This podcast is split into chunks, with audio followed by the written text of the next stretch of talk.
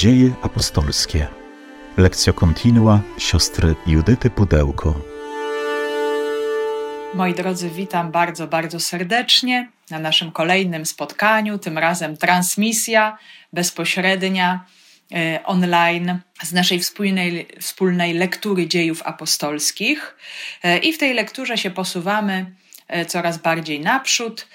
Już za nami dosyć duży blok tekstu, który ostatnio czytaliśmy o, o tym, jak pierwszy Rzymianin Korneliusz i jego towarzysze, jego przyjaciele stali się chrześcijanami, weszli do wspólnoty Kościoła e, i jest to niesamowicie ważne wydarzenie, bo e, wszystko, co następuje teraz, no jest, jest już jakąś konsekwencją tego wydarzenia. Kościół przestaje być takim monolitem, zdominowanym przez e, ludność żydowską, staje się powoli e, uniwersalny, otwarty na każdego e, człowieka. Ale mm, za chwilę przejdziemy właśnie do już kolejnego fragmentu, w którym też będziemy nawiązywać do tego wcześniejszego kontekstu. Ale teraz bardzo serdecznie zapraszam, abyśmy mm, przygotowali nasze umysły, nasze serca na słuchanie słowa, na przyjęcie tego daru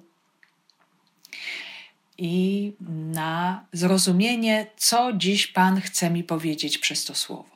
Ofiarujmy wszystko to, co jest treścią tego naszego dnia, nasz trud, nasze zmęczenie, naszą radość, mm, nasze różne doświadczenia.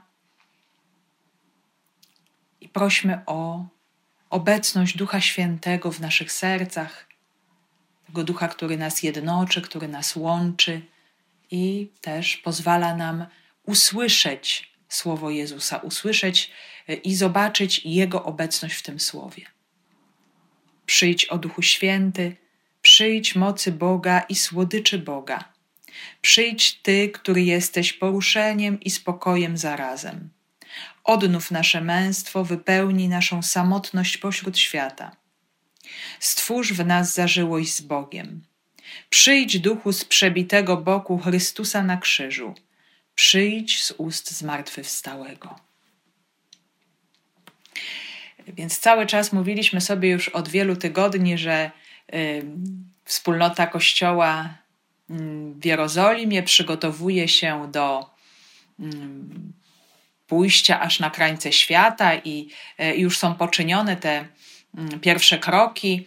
E, już święte miasto Jerozolima została e, opuszczona, e, przynajmniej w takim wymiarze pewnych podróży, wypraw po Judei, Samarii, po wybrzeżu.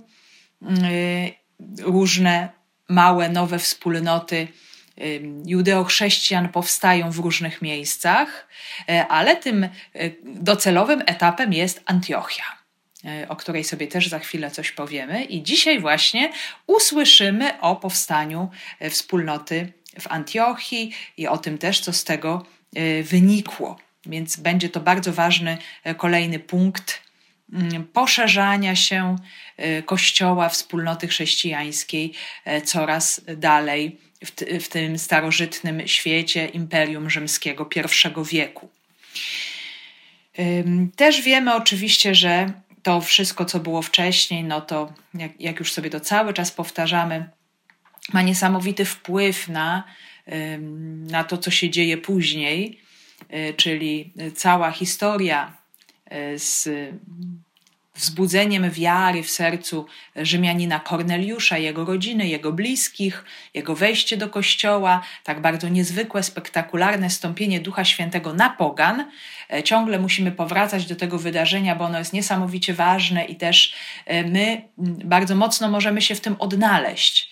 E, no, że, że Pan Bóg sam dał znak bardzo wyraźny, znak swojej woli, że poganie są gotowi do przyjęcia wiary, że ma im być ta łaska udzielana, ma im być głoszone słowo. Jest ono przeznaczone nie tylko dla Żydów, ale również dla pogan. I no, to się stanie teraz e, takim bardzo e, wielkim zadaniem e, wspólnoty uczniów.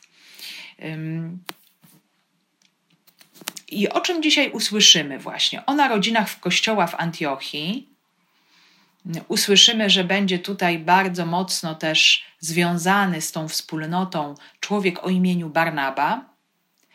E, znowu pojawi nam się na horyzoncie Szaweł, który zniknął jakiś czas temu. Też sobie przypomnimy w jakich okolicznościach. I pojawi się bardzo tajemnicza sprawa proroctwo Agabosa, chrześcijańskiego proroka, więc mm, też mm, usłyszymy o, o tej rzeczywistości. Z dziejów apostolskich. Ci, których rozproszyło prześladowanie, jakie wybuchło z powodu Szczepana, dotarli aż do Fenicji, na Cypr i do Antiochii, głosząc słowo samym tylko Żydom. Niektórzy z nich pochodzili z Cypru i z Cyreny.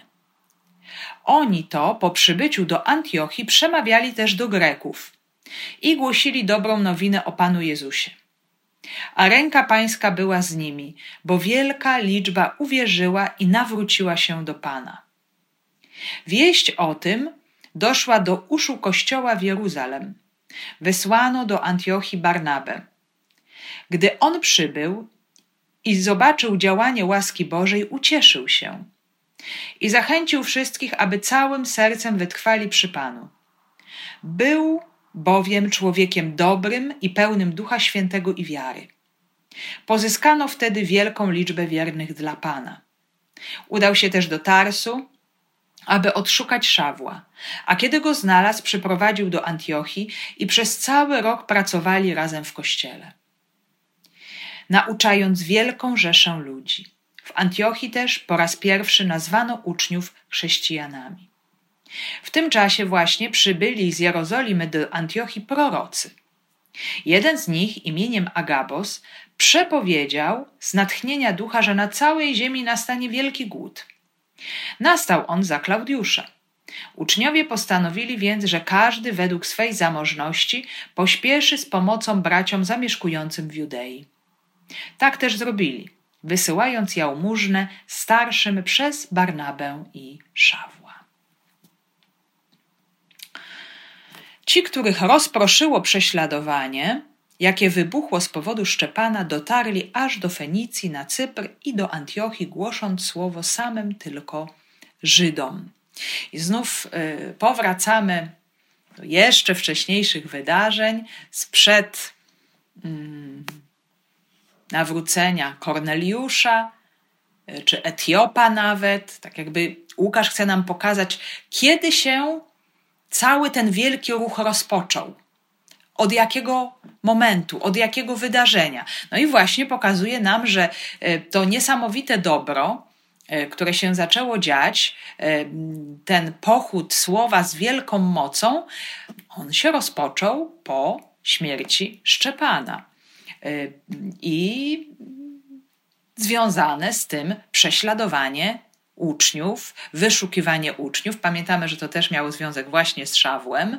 Y, no, nastąpił właśnie taki ruch y, wielkiego ataku, i to było związane też oczywiście z, z oddalaniem się uczniów z Jerozolimy. Oni gdzieś na prowincję, do jakichś innych miejsc się udawali, głosili słowo. To słowo oczywiście rodziło wiarę w sercach kolejnych uczniów, i w taki sposób Kościół się pomnażał. Czyli ta sytuacja no, negatywna, bolesna, trudna, niesprawiedliwa, e, gdzie no, uczniowie mogliby bardzo mocno narzekać i, i czuć się pokrzywdzeni, czuć się niesprawiedliwie traktowani, dlaczego e, Jezus zmartwychwstały nas nie chroni w tej sytuacji. Ostatecznie e, ta trudna sytuacja ona przyczynia się do wielkiej łaski, staje się wielkim błogosławieństwem właśnie dla tych wszystkich, którzy dzięki rozproszeniu się uczniów y, mogą poznać Jezusa Chrystusa i przyjąć łaskę zbawienia. My też nie wiemy, czy ta wspólnota jerozolimska od samego początku no, chciała wyruszyć, pójść, czy wiedzieli, w jaki sposób to zrobić, jak mają zanieść dobrą nowinę aż po krańce ziemi. tak jak Jezus im wyznaczył właśnie w tym zadaniu, y, już w momencie pożegnania przed wniebowstąpieniem, no jak, jak to się ma stać? Oni też pewnie nie wiedzieli do końca. I zobaczmy takie wydarzenia, które niejako zmusiły ich do pewnego ruchu, bardzo nieprzyjemne, które no pewnie też no były związane z ogromnym cierpieniem, a w ostateczności wyniknęło z ogromne błogosławieństwo, ogromne dobro, ogromna łaska. Więc y, no, to, to jest bardzo takie pouczające i y, cały czas sobie też to przypominamy i mówimy o tym, że y, w Kościele bardzo wiele dokonuje się właśnie, czy większość doświadczenia, czy wejścia w, rzeczywistość nowego życia, no, no, dokonuje się przez Paschę, przez śmierć. I ewangelista Łukasz, autor dziejów apostolskich, mówi nam, że że uczniowie się rozproszyli, dosłownie, to rozproszenie się, ono nam nawiązuje do takiej czynności siania, rozsiewania właśnie tego słowa. Oni się rozproszyli jak te ziarna, e, właśnie w różne miejsca, właśnie początkowo Palestyny i, i siali słowo dobrej nowiny. I tutaj pojawiają nam się kolejne miejsca, już e, to już nie jest właśnie Judea, Samaria czy nawet Galilea, ale już takie tereny dość obce, tereny typowo pogańskie, bo słyszymy o Fenicji, e, o y, Cyprze i o Antiochii. E, Fenicja e, to mm, tereny, które leżą na północ od Palestyny, od Ziemi Świętej, od ziemi Izraelitów, wzdłuż wybrzeża, tereny dzisiejszego Libanu. E, tam mamy dwa słynne miasta pogańskie, Tyr i Sydon, które znamy ze Starego Testamentu jako bogate porty, e, no, siedlisko też bogactwa, ale też i pogaństwa, bałwochwalstwa. E, pamiętamy historię z wdową Sarepty Sydońskiej, pamiętamy historię z Syrofenicjanką, która spotyka tam Jezusa. I, I to jest właśnie, możemy powiedzieć, też taki znak pragnienia pogan, tęsknoty pogan za darem nowego życia. E, czyli to jest ten pierwszy etap, gdzie docierają chrześcijanie, uczniowie Jezusa, i głoszą słowo i powstają tam wspólnoty. Już właśnie może to słowo w jakiś sposób dotarło tam wcześniej przez samego Jezusa bo kiedy Jezus nauczał w Galilei, y, tłumy szły za nim i byli to też ludzie z okolic Tyru i Sydonu, więc być może już właśnie jakiś y, szlak już był przetarty y, na tym terenie. Potem słyszymy o Cyprze. Jest to wyspa, z której pochodził Barnaba, o którym już słyszeliśmy i o którym też za chwilę usłyszymy. Ta wyspa mm, była prowincją rzymską, ale też znajdowały się tam liczne skupiska ludności żydowskiej. Więc byli tam Żydzi, właśnie tacy mający kontakt ze światem pogańskim. Z Cypru właśnie pochodził również Barnaba, który też tę rzeczywistość tego świata bardzo dobrze znał. E, I, i znów właśnie Żydzi z Cypru też przyjęli Jezusa Chrystusa. Co więcej, zaraz usłyszymy, że oni stali się również ewangelizatorami. Mm, właśnie też w dalszym punkcie. E, trzecie miejsce to jest Antiochia, e, bardzo ważne e, miasto syryjskie, prowincji Syrii, dzisiaj położone w Turcji. Mm, więc bardzo ważny punkt, ponieważ to trzecie co do wielkości miasto Imperium Rzymskiego po Rzymie i po Aleksandrii. Na skrzyżowaniu szlaków handlowych mieszkało tam aż 500 tysięcy ludzi, z czego 60 tysięcy Żydów. I byli to Żydzi bardzo otwarci na kontakty z poganami. Czyli byli to tacy Żydzi, którzy mm, nie zamykali się, nie oddzielali się. Oczywiście oni mieli swoje wspólnoty, mieli swoje synagogi. I, I, zawsze ewangelizatorzy do tych synagog się udawali i szukali kontaktu ze swoimi, z ludnością e, pochodzenia żydowskiego, ale też z drugiej strony byli oni bardzo też otwarci na y, tę różnorodność i dlaczego jest y, to ważne, bo za chwilę zobaczymy, że ten kościół w Antiochii będzie właśnie kościołem takim bardzo zróżnicowanym, też etnicznie. Y, I będą judeochrześcijanie, i za chwilę też pojawią się pogano-chrześcijanie. Więc Antiochia bardzo ważny punkt, właśnie punkt takiego styku różnych kultur Y, miejsce handlu, komunikacji, y, pojawiają się tam ludzie, więc bardzo dobre miejsce dla, y, dla ewangelizacji. Niektórzy z nich pochodzili z Cypru i Cyreny. Oni to po przybyciu do Antiochii przemawiali też do Greków i głosili dobrą nowinę o Panu Jezusie. Jeżeli mamy Żydów, którzy pochodzą z Cypru, tak jak Barnaba, i pochodzą z Cyreny. Cyrena e, to północna Afryka, dzisiejsza Libia. E, tam też były e, liczne wspólnoty żydowskie. Możemy to sobie skojarzyć chociażby z Szymonem z Cyreny, Cyrenejczykiem słynnym, który się pojawił podczas egzekucji Jezusa na drodze krzyżowej, o czym wspominają Ewangelie. I właśnie ci Żydzi, którzy stali się uczniami Jezusa, pochodzący z Cypru i z Syreny, przybywają również do Antiochii i głoszą. Głoszą um, właśnie nie tylko do um, Żydów, ale również zaczynają ewangelizować um, pogan. I teraz tak, my nie wiemy, czy oni mieli już świadomość tego, co się stało, z setnikiem Korneliuszem. My nie wiemy, czy oni znali już opowiadanie Piotra o tym, jak poznał on wolę Bożą wobec pogan, o tym stąpieniu Ducha Świętego na pogan, być może wiedzieli, ale no jeżeli, jeżeli zatrzymaliby się w kościele w Jerozolimie, zapewne by o tym się dowiedzieli, usłyszeliby o tym wydarzeniu, ale nie wiemy, czy tak było.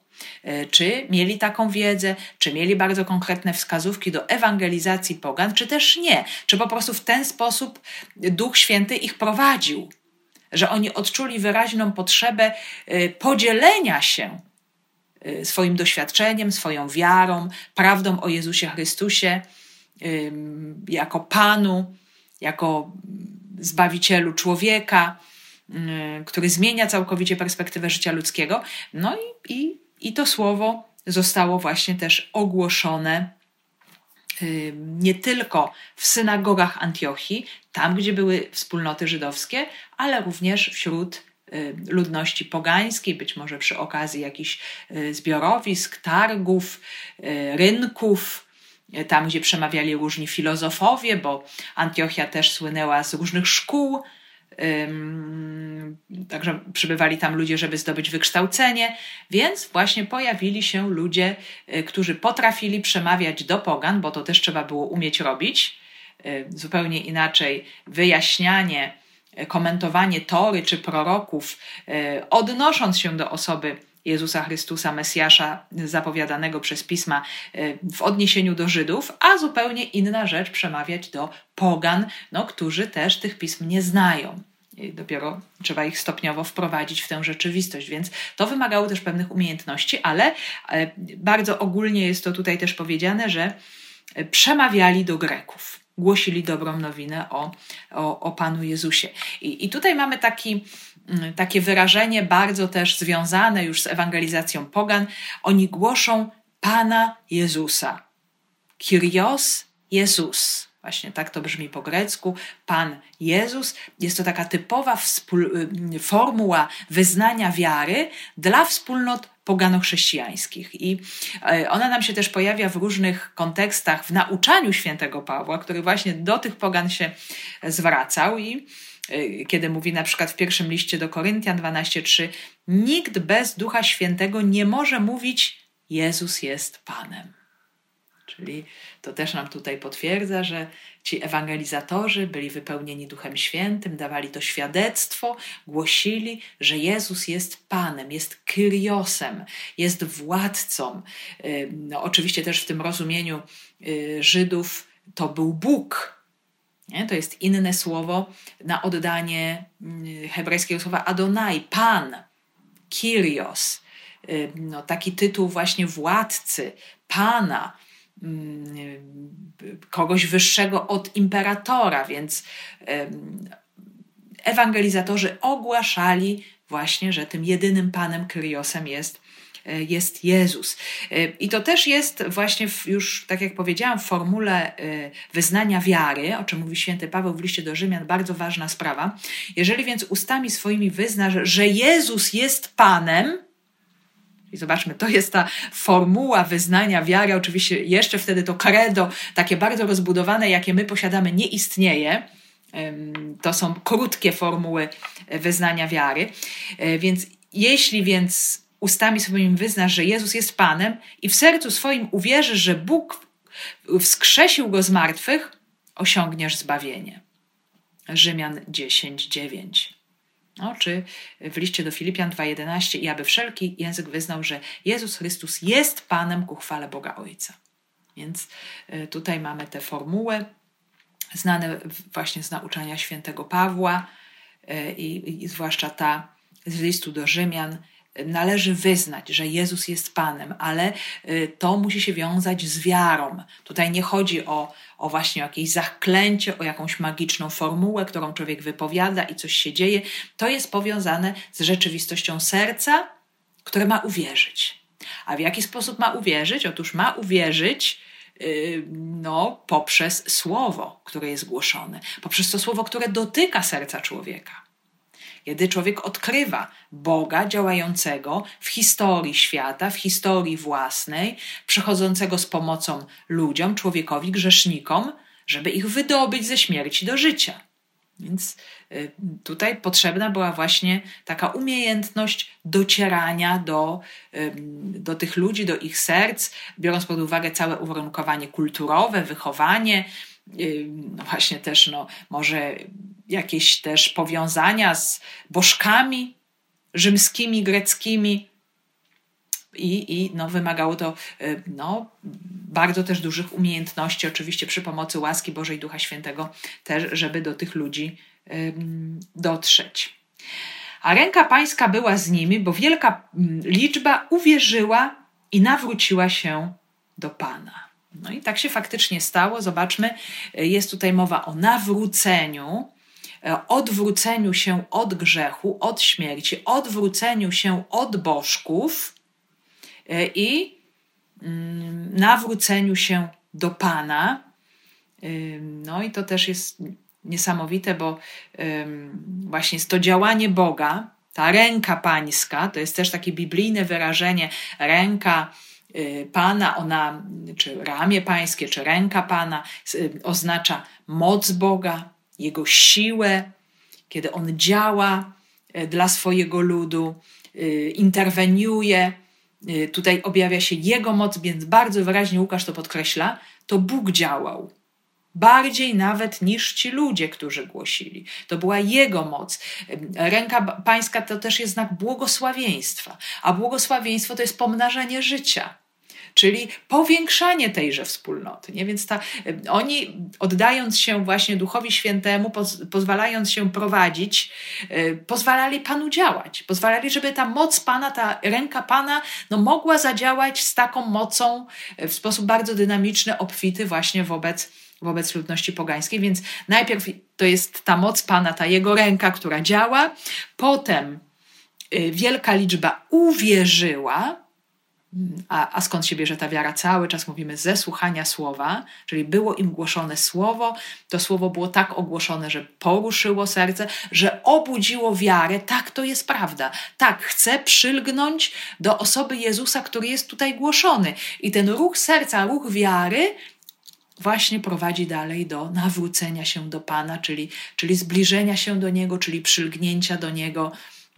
no, oczywiście to się dokonuje przez chrzest e, i, i mm, następuje już wejście do kościoła, do wspólnoty e, i rozpoczęcie tego, tego właśnie nowego życia. Czyli, e, czyli jest bardzo konkretny efekt.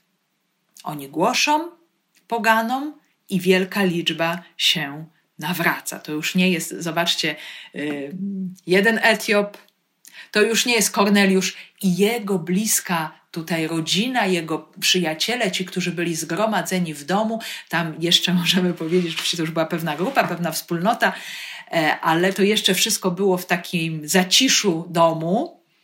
Taki kościół domowy sobie powiedzieliśmy w, w Cezarei Nadmorskiej, rodziny i przyjaciół Rzymianina, a tutaj już mamy wielką liczbę. To już jest tych ludzi coraz więcej to już sytuacja nam się coraz dynamiczniej zmienia. Więc trzeba tutaj coś zadziałać w takim razie, skoro takie znaki następują. No i no właśnie, i co się dzieje dalej? Wieść o tym doszła do uszu kościoła w Jeruzalem. Wysłano do Antiochii Barnabę. Bo zobaczmy. Yy, nawet nie wiemy, kto był pierwszym ewangelizatorem Antiochii. Słyszymy o pewnych Żydach z Cypru i z Cyreny. I to są jacyś ludzie anonimowi. Zobaczmy, znów to nie są apostołowie.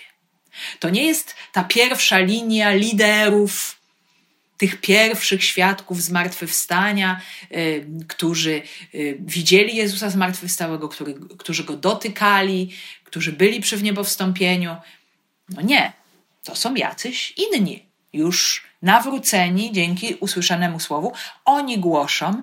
Y, działanie łaski jest nieprawdopodobnie dynamiczne i mocne, ręka pańska działa i wielka rzesza ludzi się nawraca. No i, i przychodzą posłańcy zapewne właśnie z Antiochii do Jerozolimy, mówią, no takie rzeczy się dzieją. No więc tutaj widzą kolejny znak, Pan dał, no coś trzeba z tym zrobić, trzeba się zatroszczyć o ten nowy Kościół, który tutaj właśnie się rodzi, też z taką wielką mocą, dynamizmem, więc trzeba też rzeczywistość zweryfikować. Y, to, I to wcale nie jest taka prosta rzecz, bo, bo, bo jeżeli w tej Antiochii mamy, mamy judeo-chrześcijan, oczywiście tych Żydów, sobie powiedzieliśmy, otwartych na świat pogański, ale jednak Żydów, żyjących według konkretnego sposobu życia, y, czyli obrzezania, czyli, czyli modlitwy synagogalnej, czyli przepisów y, dotyczących czystości rytualnej, różnych zwyczajów. Y, a tutaj mamy ludność pogańską, która w taki sposób w ogóle nie żyje. No i teraz zobaczmy, i oni się stają jedną wspólnotą, jedną rodziną trzeba szukać jakiegoś konsensusu między nimi. No, rzecz niesamowicie piękna, ale też niesamowicie trudna. Tak mówimy od przybytku, głowa nie boli, ale chyba trochę jednak zabolała głowa. Zaczęto się zastanawiać, co dalej. Y, I apostołowie wysyłają do Antiochii swojego przedstawiciela, Barnabę. I o Barnabie już słyszeliśmy w kontekście czwartego rozdziału dziejów apostolskich. E, takie słowa. Józef, nazwany przez apostołów Barnaba, to znaczy syn pocieszenia Lewita rodem z Cypru, sprzedał ziemię, którą posiadał, a pieniądze przyniósł i złożył u stóp apostołów. Czyli taki modelowy uczeń, Żyd e, z diaspory, mm, jeszcze z pokolenia Lewiego, czyli mający jakieś tam korzenie kapłańskie, przybywa właśnie do Jerozolimy, oddaje wszystko do dyspozycji apostołom, czyli e, człowiek ogromnej wiary, ogromnego zaufania, bardzo dyspozycyjny, taki możemy powiedzieć wzorowy model no, chrześcijanina, ucznia Jezusa. E, I to, co jest ważne, to właśnie z jednej strony ta gorliwość Barnaby, a z drugiej strony fakt, że on pochodzi z Cypru, czyli mieszkał e, i, i dobrze poznał świat pogański, zna tych ludzi, e, mówi płynnie po grecku, zna ich kulturę, e, więc no, będzie potrafił się z nimi w sposób taki bardzo spokojny, bezproblemowy komunikować. I, I zobaczmy, to też jest bardzo ważne, y, znaleźć właściwych ludzi na właściwe miejsce, wykorzystać umiejętności, jakieś dary naturalne. No skoro są ci ludzie, którzy znają świat pogański, no więc to trzeba do, do tych pogan wysłać właśnie takich. To mają być ich ewangelizatorzy. Y, więc mm, no, jeszcze mamy tutaj o nim inne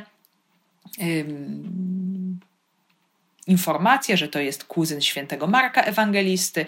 E, razem oni się tutaj pojawią ze świętym Pawłem już niedługo. E, będziemy mówić o wyprawach misyjnych e, już niebawem.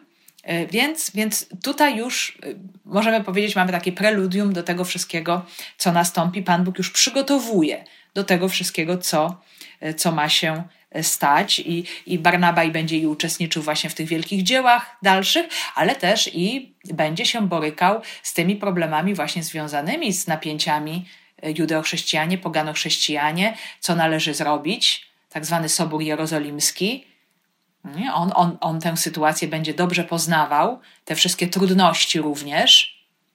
To też jest, zobaczmy, bardzo ważne, że z jednej strony mamy wielkie działanie Pana z mocą, znaki, yy, zaraz usłyszymy o radości Barnaby, ale też pamiętajmy, że ta sytuacja, ona tworzyła ogromne napięcia. I no niestety nie da się tego wyeliminować. To jest też część całego tego, możemy powiedzieć, tutaj y, rozwoju. To się łączy z jakimś bólem, z jakimiś różnicami, napięciami. I, i Barnaba właśnie y, też w, ca- w tej całej rzeczywistości um, uczestniczy. Jeszcze będziemy sobie więcej później o nim mówić. Gdy on przybył i zobaczył działanie łaski Bożej, ucieszył się i zachęcał wszystkich, aby całym sercem wytrwali przy Panu. Był bowiem człowiekiem dobrym i pełnym Ducha Świętego i wiary. Pozyskano wtedy wielką liczbę wiernych dla Pana. Także Barnaba przybywa, ogląda cały postęp, widzi y, tych ludzi, którzy już przyjmują wiarę, widzi działanie łaski w ich sercach. To jest oczywiście wszystko bardzo tutaj ogólnie powiedziane. Nie mamy jakichś szczegółów pokazujących, jak. Y, tutaj byśmy musieli zresztą poczytać, czy, czy listy świętego Pawła już z innych miejsc, żeby się przekonać, jak poganie do tej wiary dochodzili. E, czy w późniejszych etapach dziejów apostolskich też będziemy o tym czytać już bardzo szczegółowo, o tych metodach ewangelizacji, e, nauczania właśnie pogan. E, tutaj mamy takie bardzo ogólne stwierdzenie, że zobaczył to działanie łaski Bożej.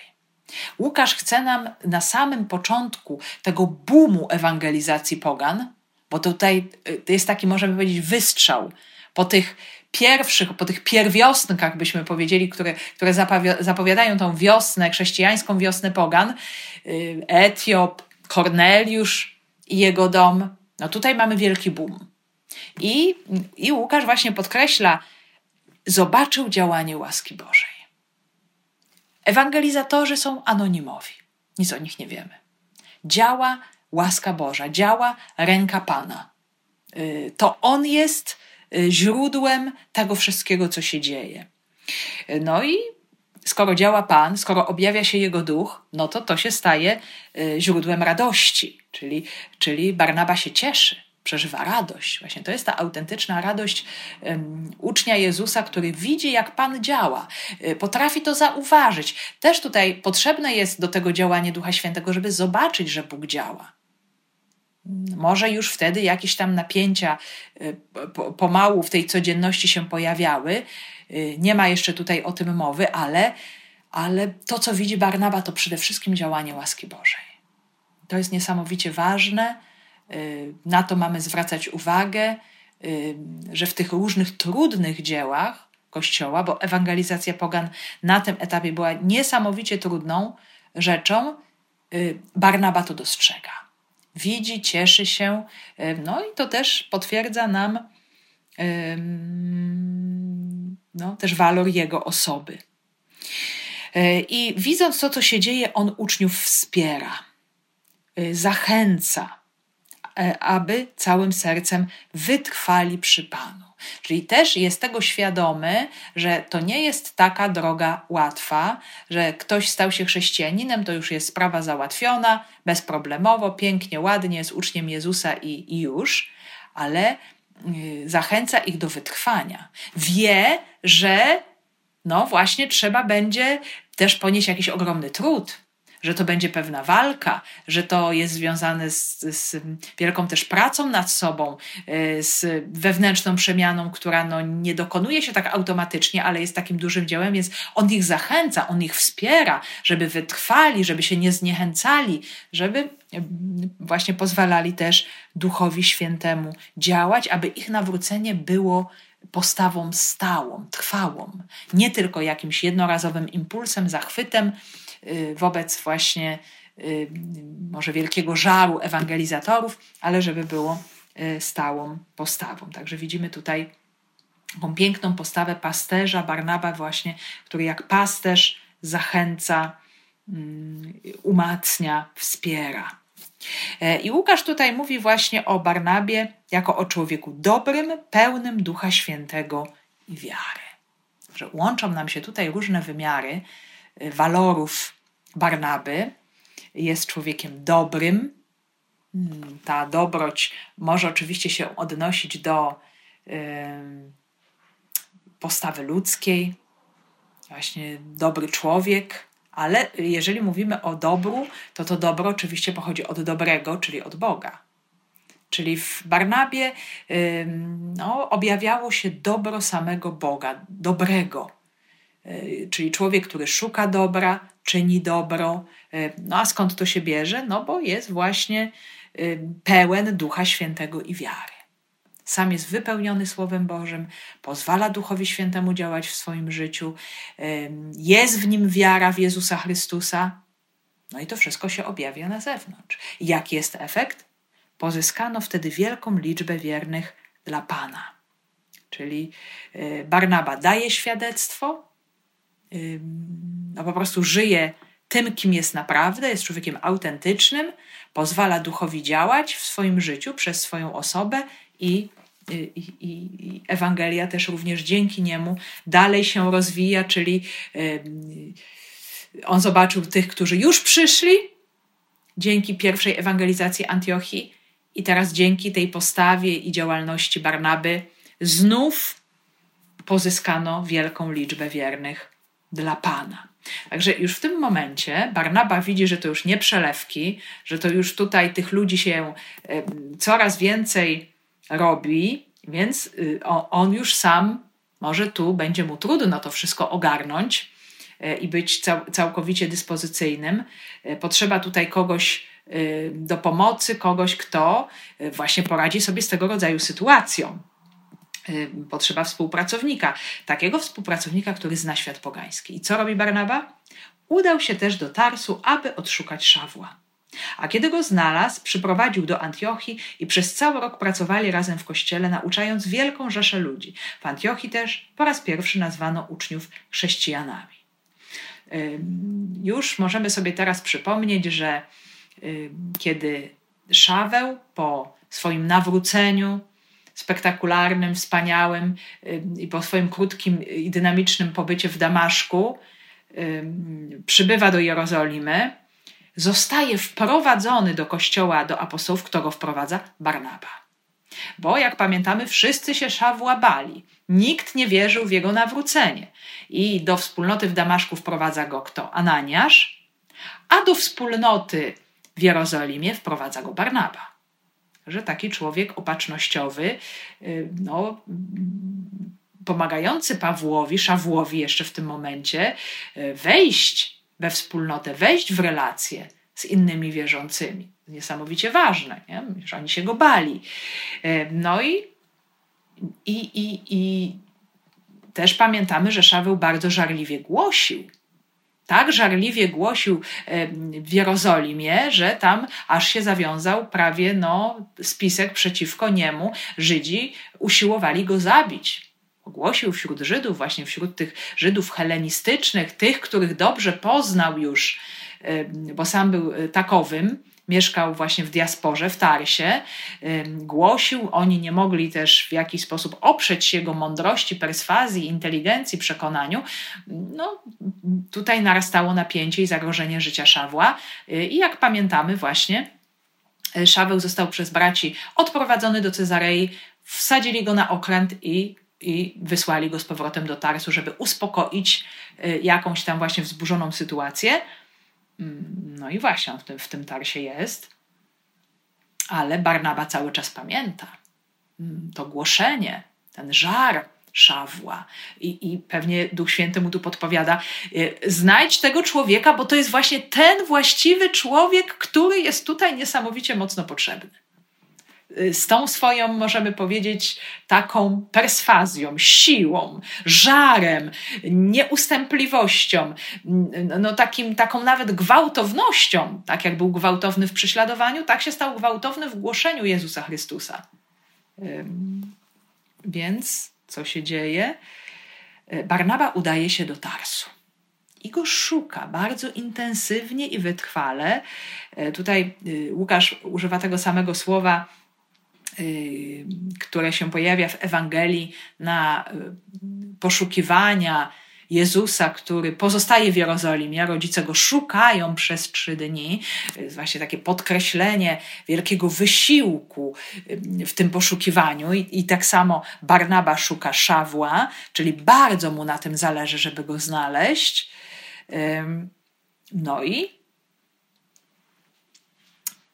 znajduje go i wie, że to będzie właśnie człowiek kompetentny właśnie do rozmowy z helenistami, do rozmowy już nie tylko z Żydami, mm, którzy mieli wychowanie mm, helenistyczne, ale samymi poganami, ludźmi, którzy no, nie mieli kontaktu z, z całym pierwszym przymierzem, z światem żydowskim. I, I zobaczmy, że po raz trzeci Szaweł zostaje wprowadzony do wspólnoty. Najpierw przez Ananiasza do Damaszku, potem przez Barnabę do Jerozolimy i teraz po raz trzeci Barnaba wprowadza y, Szawła do wspólnoty w Antiochii. Zabiera go ze sobą. No to na pewno było niesamowicie ważne też dla samego Szawła. My nie wiemy, co w tym Tarsie się tam działo. To, to, to są bardzo tajemnicze elementy, momenty życia Szawła czas jego też wewnętrznej przemiany, oczyszczenia motywacji, może się czuł troszeczkę odsunięty, na pewno też w jakiś sposób ewangelizował czy umacniał swoją wiarę, czy się modlił też, zgłębiał pisma, przygotowywał się. No i właśnie pojawił się wysłany przez Ducha Świętego Barnaba, który go zaprasza do wspólnej misji. I to jest, to jest niesamowicie ważny początek dla Szawła, bo tu się zaczynają wielkie rzeczy. Tu się zaczynają wielkie rzeczy, więc Barnaba jest uległy Duchowi Świętemu. Widzi sytuację i rozumie. Tutaj trzeba właśnie w taki sposób no, bardzo konkretny y, zadziałać. I pracują razem. Tutaj dosłownie, jakbyśmy to przetłumaczyli, są zebrani razem w kościele. Chodzi właśnie o jakieś takie zjednoczenie, wspólne działanie. Nauczają razem wielką rzeszę ludzi. To jest właśnie już tworzenie tego wspólnego doświadczenia, uczenie się, przygotowywanie się do przyszłej misji, która będzie o wiele trudniejsza. To będzie misja w drodze, w różnych miejscach, łatwiejszych i trudniejszych, ale to jest właśnie budowanie tego doświadczenia, poznawanie się, poznawanie, szukanie różnych sposobów właśnie dotarcia do człowieka, do świata pogańskiego e, z dobrą nowiną o mm, Jezusie Chrystusie. Tu się pojawia takie bardzo ciekawe stwierdzenie Łukasza, że właśnie w Antiochii po raz pierwszy tę grupę, tę wspólnotę nazwano chrześcijanami. My oczywiście cały czas mówimy chrześcijanie, chrześcijanie, wspólnota chrześcijańska, y, no bo taka jest też nasza nazwa, ale y, co ciekawe, do tej pory ta nazwa się nie pojawiała. I to też jest bardzo ważne. Zobaczcie, ona się pojawia w kontekście y, tej uniwersalności. Do tej pory mówiono uczniowie, bracia i siostry, święci.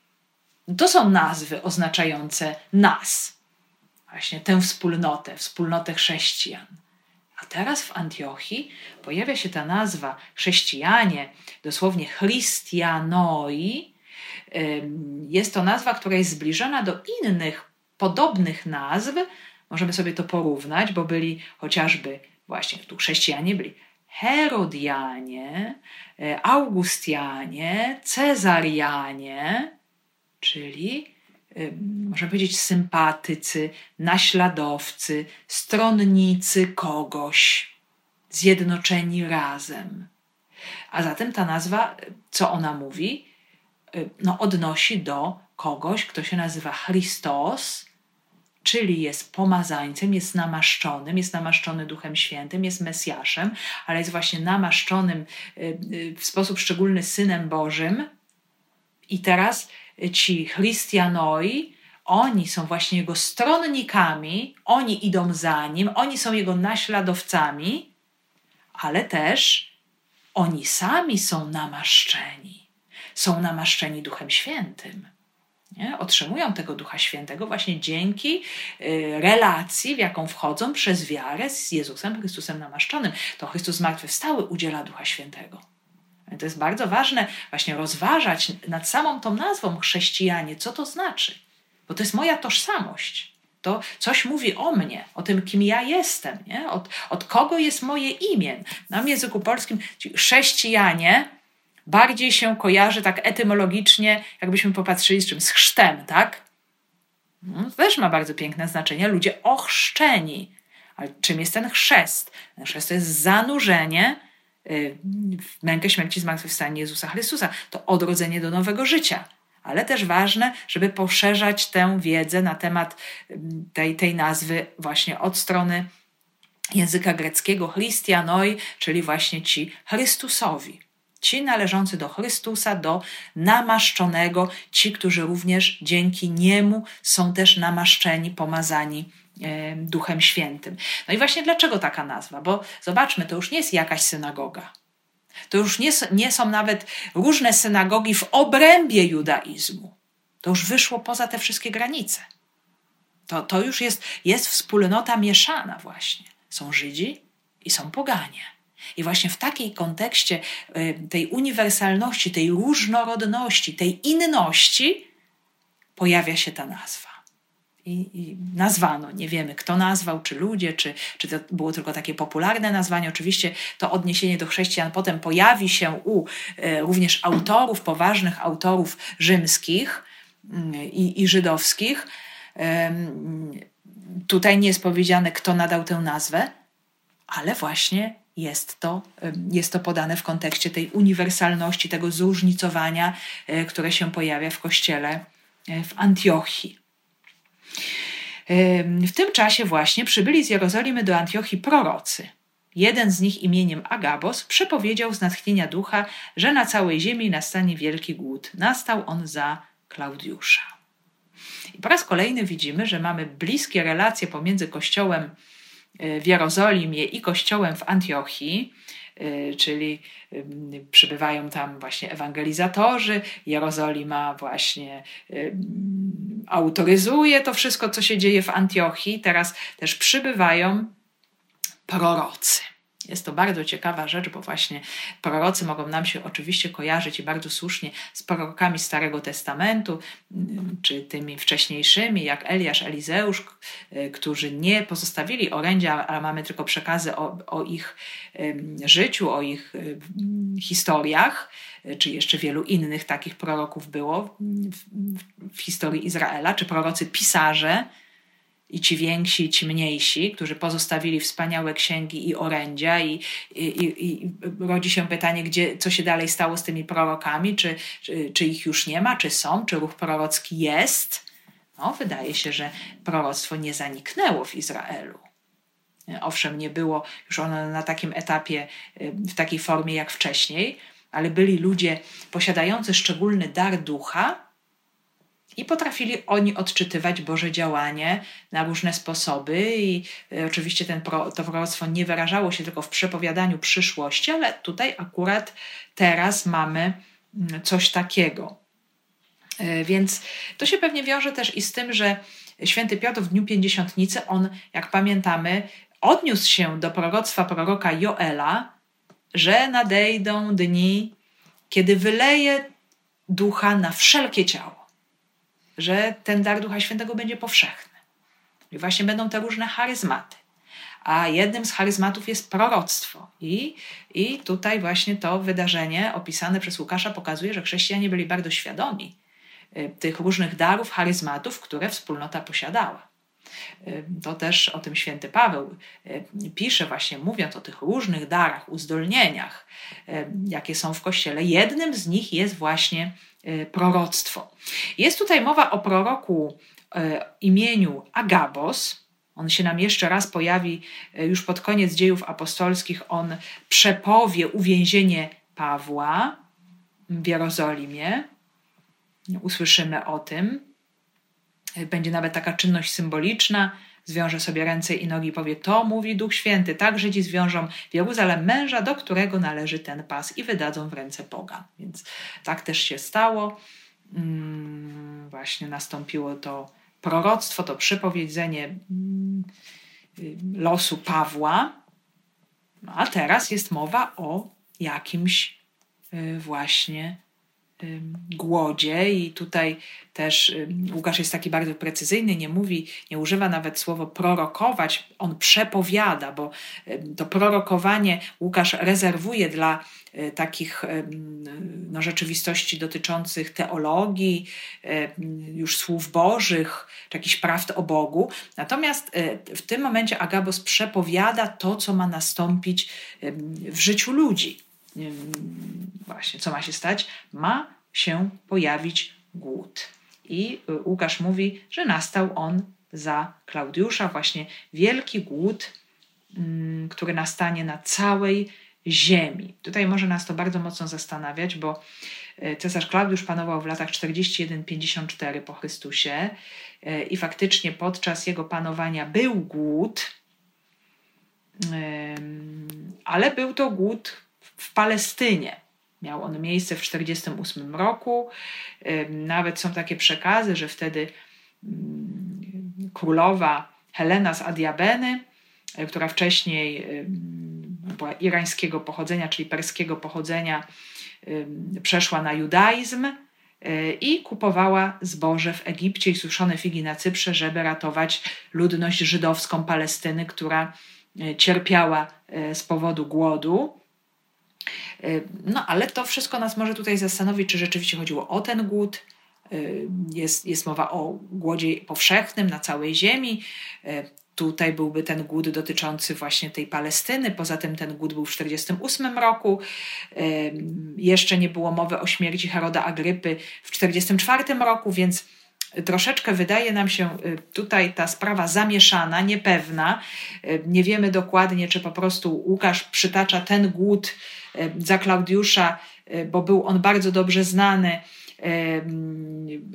a ta powszechność właśnie dotycząca całej ziemi dotyczy całej ziemi Izraela, czy po prostu podaje, zapowiada coś, co się wydarzy dopiero później.